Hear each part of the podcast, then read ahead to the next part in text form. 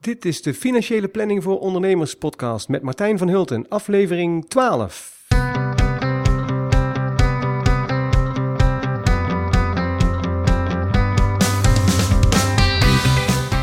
Ben je al jarenlang ondernemer? Net gestart? Of heb je plannen om voor jezelf te beginnen? In deze podcast krijg je informatie over alle mogelijke zaken waar je als ondernemer tegenaan loopt. Ik ben Martijn van Hulten, financieel planner en belastingadviseur en zelf al ruim 13 jaar ondernemer.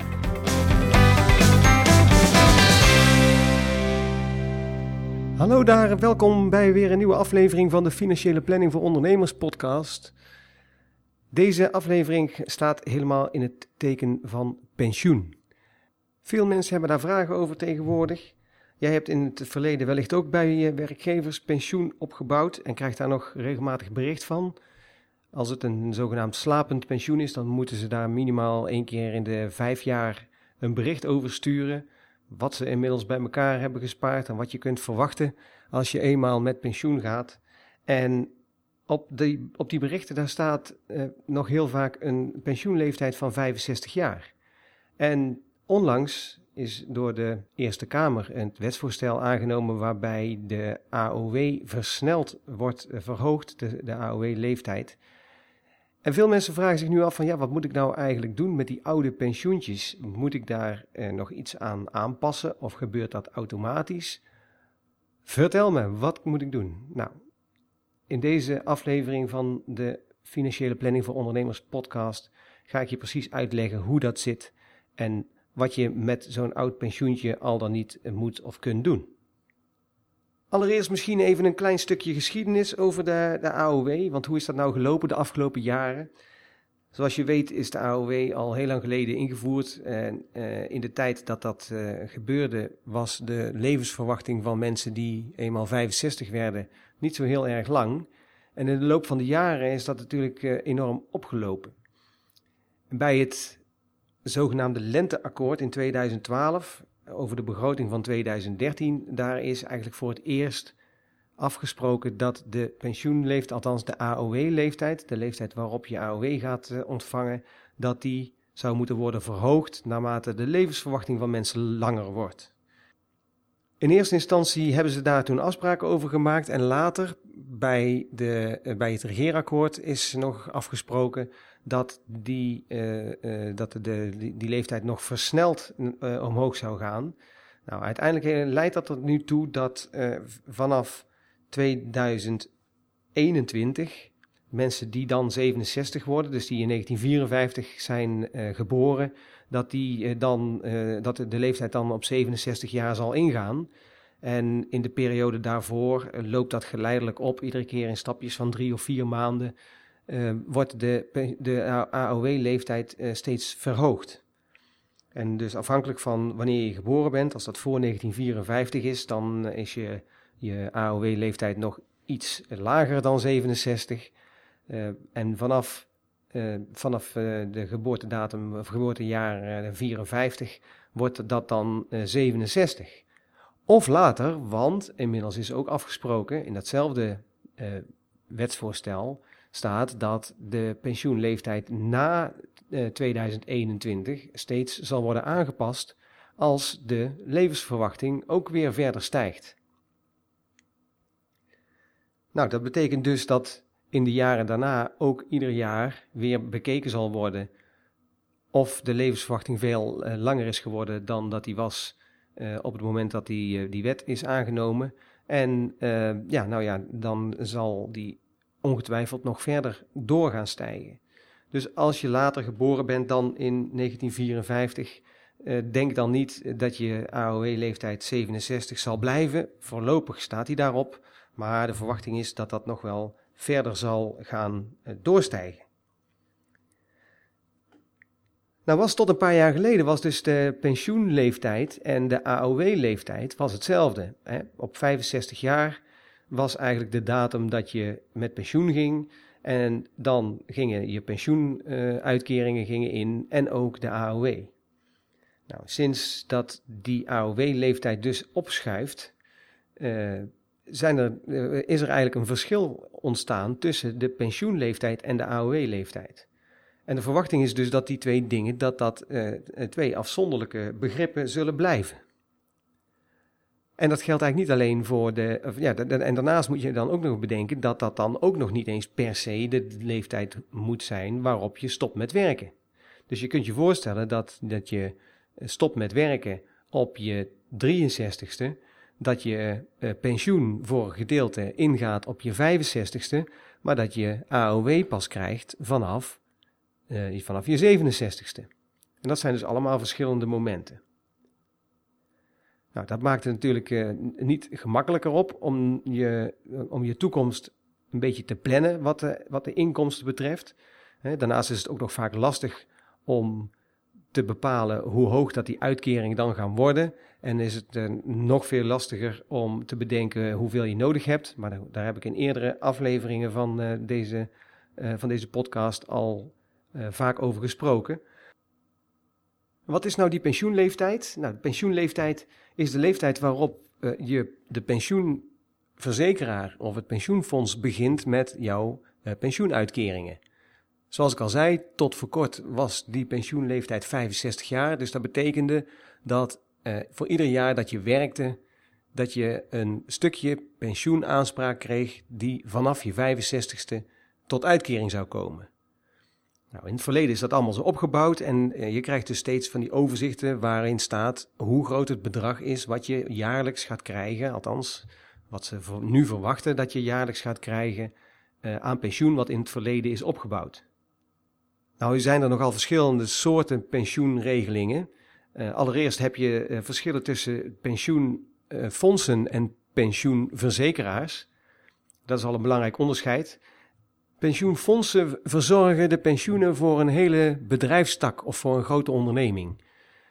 Vaak is dat bij CAO bijvoorbeeld geregeld dat als je in een bepaalde branche werkt, dat je pensioen dan verplicht is ondergebracht bij een pensioenfonds bijvoorbeeld bij het ABP of bij een pensioenfonds Zorg en Welzijn bijvoorbeeld, of, uh, uh, of pensioenfondsen die op, een, uh, op één onderneming betrekking hebben, bijvoorbeeld een Philips pensioenfonds of een Unilever pensioenfonds.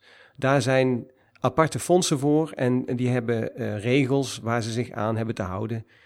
En die kunnen dus ook voor alle pensioengerechtigden die in dat pensioenfonds uh, zitten, of die vanuit dat pensioenfonds hun uitkering gaan krijgen, kunnen ze in één klap de voorwaarden aanpassen. En als zo'n pensioendatum nu stijgt van 65 naar 67, wat uh, in 2014 eh, eigenlijk in één klap is gebeurd, in tegenstelling tot de AOW-datum, die gaat geleidelijk omhoog, maar die pensioendatum die hebben ze in één klap van 65 naar 67 gezet. Alle pensioenen die in het verleden zijn opgebouwd in zo'n pensioenfonds, daarvan kan het bestuur van het pensioenfonds beslissen om dat ineens naar 67 te zetten. En dat betekent dan dat ze de aanspraken die mensen hebben op pensioen, dat ze die, dat ze die gaan eh, herberekenen en dat, dat eh, leidt dan meestal tot een hogere pensioenuitkering. Want ga maar na, zo'n pensioenuitkering uh, gaat twee jaar later in. Dat betekent dus dat ze twee jaar langer de tijd hebben om in dat pensioen op te bouwen. En daarnaast hebben ze twee jaar minder uit te keren. Als de levensverwachting niet in één klap ook twee jaar, twee jaar korter wordt, en dat is natuurlijk niet zo, eh, dan, uh, dan hoeven ze twee jaar minder uit te keren. Nou, dat wordt dus verdisconteerd en dat wordt dan herrekend aan de hand van sterftekansen en rentepercentages. En uiteindelijk leidt dat tot een nieuw bedrag en dat nieuwe bedrag is dan dus, als het goed is, wat hoger dan het bedrag van het pensioen wat eh, vanaf 65 betaald zou worden. Bij een verzekeringsmaatschappij ligt het wat anders, want als je pensioen door je werkgever bij een verzekeringsmaatschappij is ondergebracht, en dat gebeurt met name natuurlijk vaak bij kleinere ondernemingen of ondernemingen die niet onder een CAO vallen waar een pensioenfonds aan gekoppeld is, dan, uh, kunnen, dan kan een werkgever met een, een, een, een verzekeringsmaatschappij, uh, Nationale Nederlanden of de Amersfoortse of, of eh, ASR, of nou, noem maar op, hè, kunnen ze afspraken maken over hoe dat pensioen verzekerd is. Maar iedere pensioengerechtigde heeft eigenlijk een eigen contract met de verzekeringsmaatschappij over wat hij gaat krijgen vanaf zijn 65ste. En zo'n contract is een contract, daar kan je niet zomaar van de een op het andere moment van zeggen van en nu gaan we het even heel anders doen. Dus als de verzekeringsmaatschappij besluit om dat pensioen te gaan verhogen naar 67 jaar, dan zullen ze daar de toestemming voor moeten hebben van de pensioengerechtigde. Nou, voor uh, bij grotere ondernemingen die hun pensioen op die manier hebben ondergebracht bij verzekeringsmaatschappijen, zal er wellicht een, een, procedure zijn waarbij de ondernemingsraad toestemming moet geven voor de aanpassing van zo'n pensioen. Maar zelfs dan is maar de vraag of, dat, dat, of zo'n ondernemingsraad dat ineens voor alle mensen kan beslissen. En het is zeker niet zo dat dat altijd gunstiger uitpakt, namelijk. Want stel dat je nu op je 65ste een, eh, een recht hebt op pensioen. En ze gaan dat herberekenen, wat dan de hoogte wordt van, van dat pensioen als het op 67 ingaat. Nou, dan maken ze op basis van de, van de uh, rekengegevens die er nu zijn, de levensverwachting zoals die nu is en de uh, en de rentepercentages zoals die nu zijn, maken ze dan een herberekening van wat dat bedrag dan zou moeten zijn op, op 67 jaar. Maar het zou best wel eens kunnen zijn dat je uiteindelijk helemaal niet pas op je 67ste stopt met werken.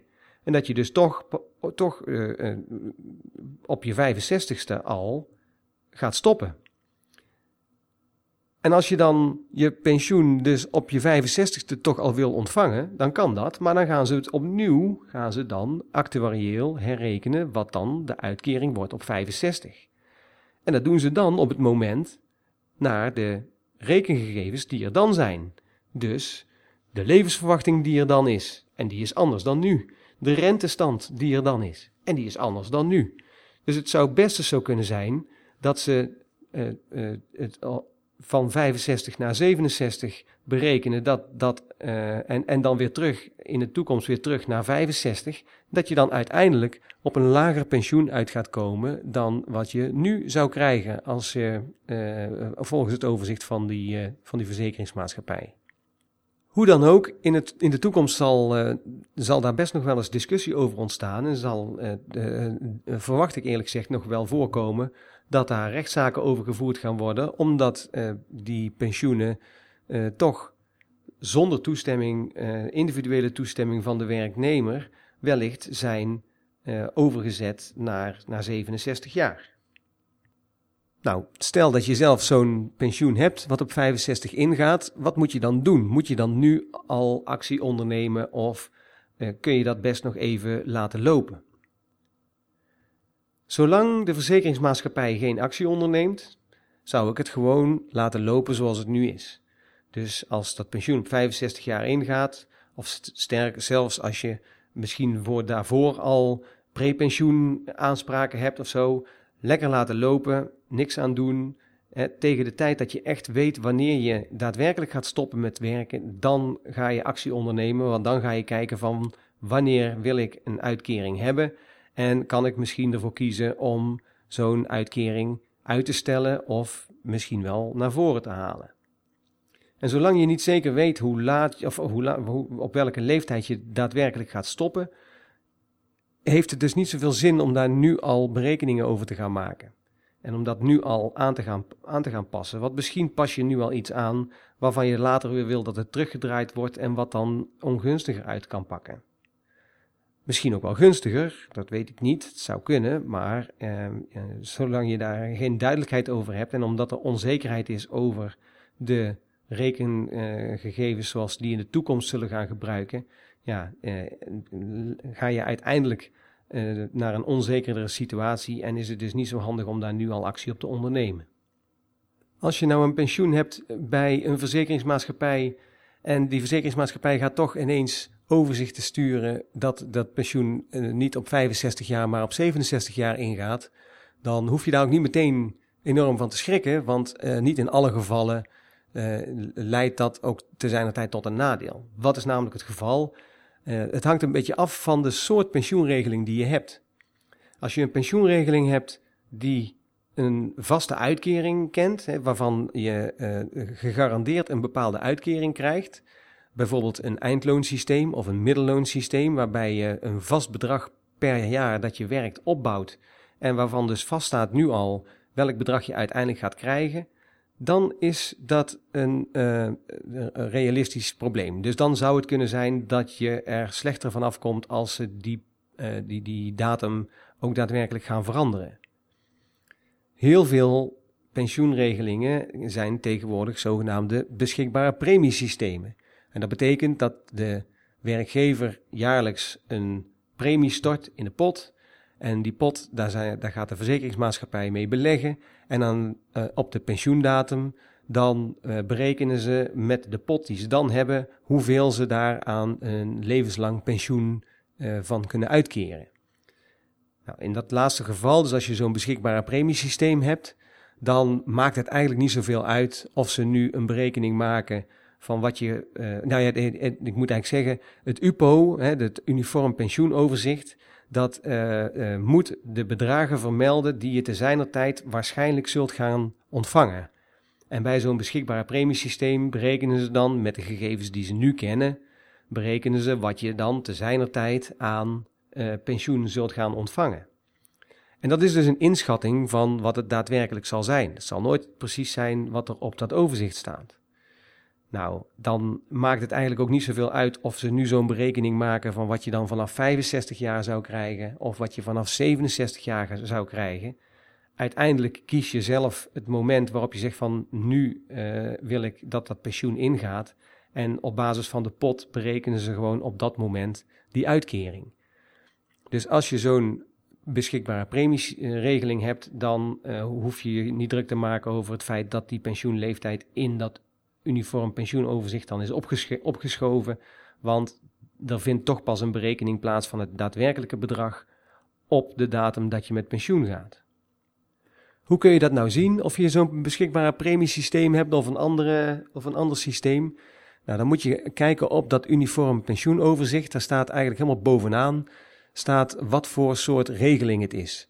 Als er staat dat het een uitkeringsovereenkomst is, dan heb je een, een, uh, een vastgesteld bedrag waarvan je dus een, nu eigenlijk al weet wat het dan gaat worden. Tenminste, dat is redelijk, uh, redelijk zeker. Wellicht wordt dat nog geïndexeerd, afhankelijk van de pensioenregeling. Maar het is in ieder geval niet zo niet dat dat nog afhankelijk is van bijvoorbeeld beleggingsrendementen die een verzekeringsmaatschappij of een pensioenfonds maakt. Dus als je een uitkeringsovereenkomst hebt, dan speelt dit probleem. En dan moet je dus even uitkijken als ze, als ze dan toch eenzijdig die, die regeling gaan veranderen. Ja, dan is het misschien wel goed om aan de bel te trekken. Of in ieder geval een briefje te sturen dat je het daar niet mee eens bent. En uh, nou ja, dat, dat je uh, wellicht in de toekomst daar nog op terug wil komen als je met pensioen gaat, als je eerder met pensioen gaat en het blijkt dat, daarmee, dat je daarmee rechten kwijt bent geraakt. Het kan ook zijn dat er staat dat er, dat er sprake is van een premieovereenkomst. Nou, als, er sprake is van een premieovereenkomst, dan uh, heb je een, een beschikbare premiesysteem. En dan uh, heb je dus dat systeem waarbij je een pot vult en dat die pot afhankelijk van het beleggingsrendement uiteindelijk gaat leiden tot een bepaalde uitkering. Ja, dan maakt het eigenlijk niet uit of ze die inschatting van die uitkering nou maken op 65 of op, of op 67. Goed, dus nog even samenvattend. moet je iets doen met dat pensioen als je nu ziet dat je dat de, de, pensioenverzekeraar eenzijdig die regeling aan het aanpassen is. Kijk even of je een uitkeringsovereenkomst hebt of een premieovereenkomst. Heb je een premieovereenkomst, niks aan de hand. Heb je een uitkeringsovereenkomst, dan is het wellicht handig om even een briefje te sturen naar de verzekeringsmaatschappij. Is je pensioen verzekerd bij een pensioenfonds, ja, dan uh, ben je eigenlijk overgeleverd aan de beslissingen die het bestuur van het pensioenfonds maakt. En uh, dan kun je daar verder ook uh, weinig tegen doen als ze die pensioenleeftijd toch ineens opschuiven. En ja, dat er dan uiteindelijk een, hoger of een lager pensioen uit gaat komen, dat, um, ja, daar, kun je, daar kun je verder weinig aan doen. Nou kan het natuurlijk zo zijn dat je in de loop van de jaren heel veel verschillende werkgevers hebt gehad en dat je bij elke werkgever een verschillend soort pensioen hebt opgebouwd.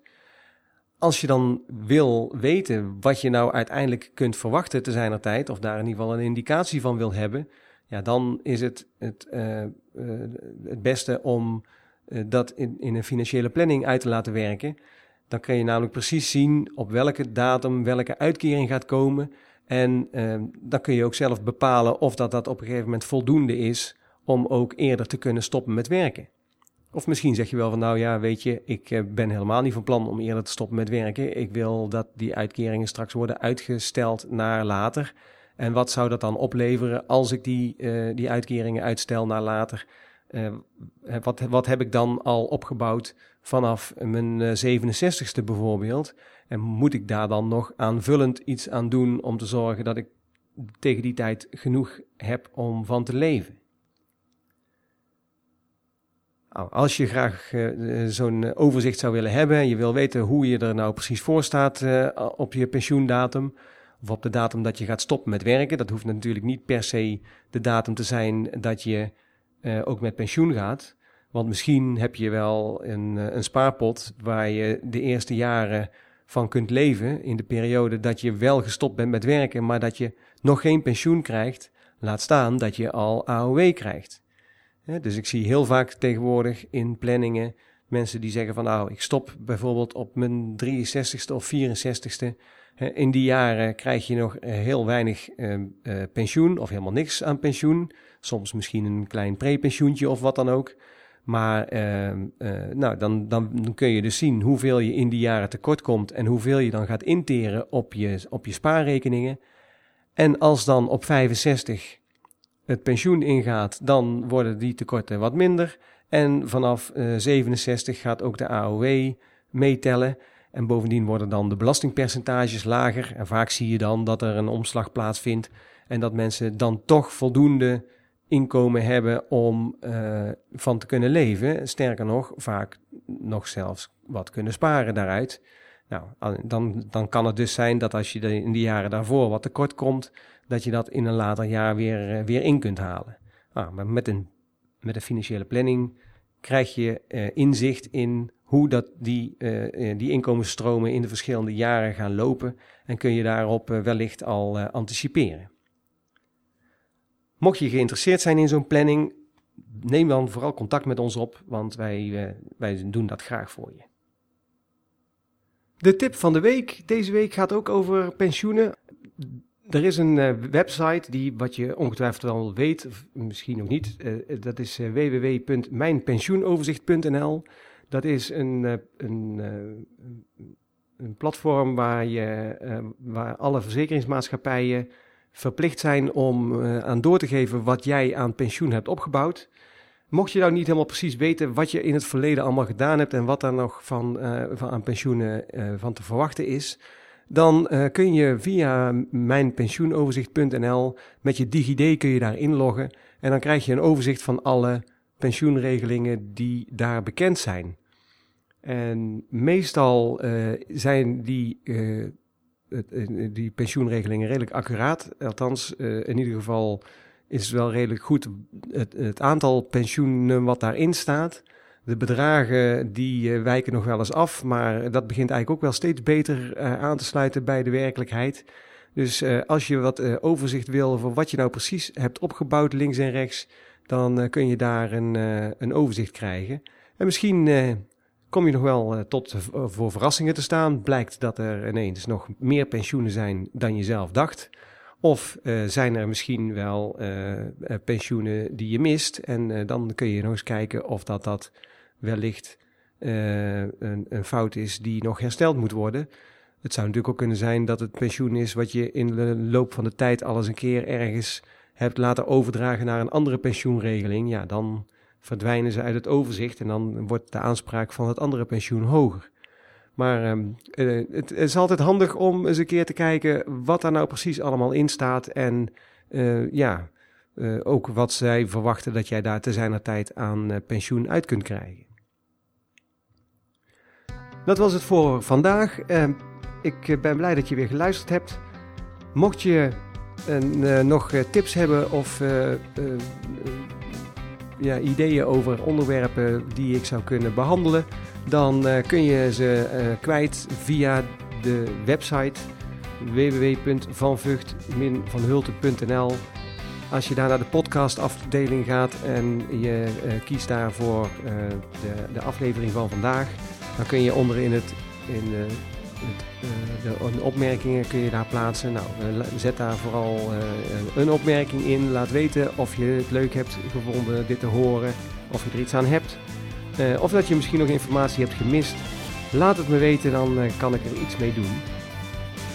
Ook zou ik het erg op prijs stellen als je een rating achter zou willen laten in iTunes of in Stitcher om te laten weten of je uh, uh, deze podcast uh, leuk vindt of niet. Goede ratings zorgen ervoor dat deze podcast beter gevonden wordt, ook door anderen. En nou ja, dat zou, is natuurlijk, zou ik erg leuk vinden. Inmiddels is, is de podcast ruim 600 keer gedownload. Dus nou, daar ben ik heel erg trots op en blij mee. En ik hoop dat het uh, in, in, dit tempo door blijft groeien. Dan uh, kunnen we een, uh, een, behoorlijke community opbouwen. En ja, hoe meer mensen hier naar luisteren, hoe liever ik het heb, uiteraard. Hartstikke bedankt dat je weer geluisterd hebt. heel graag tot een volgende keer en veel succes met je business.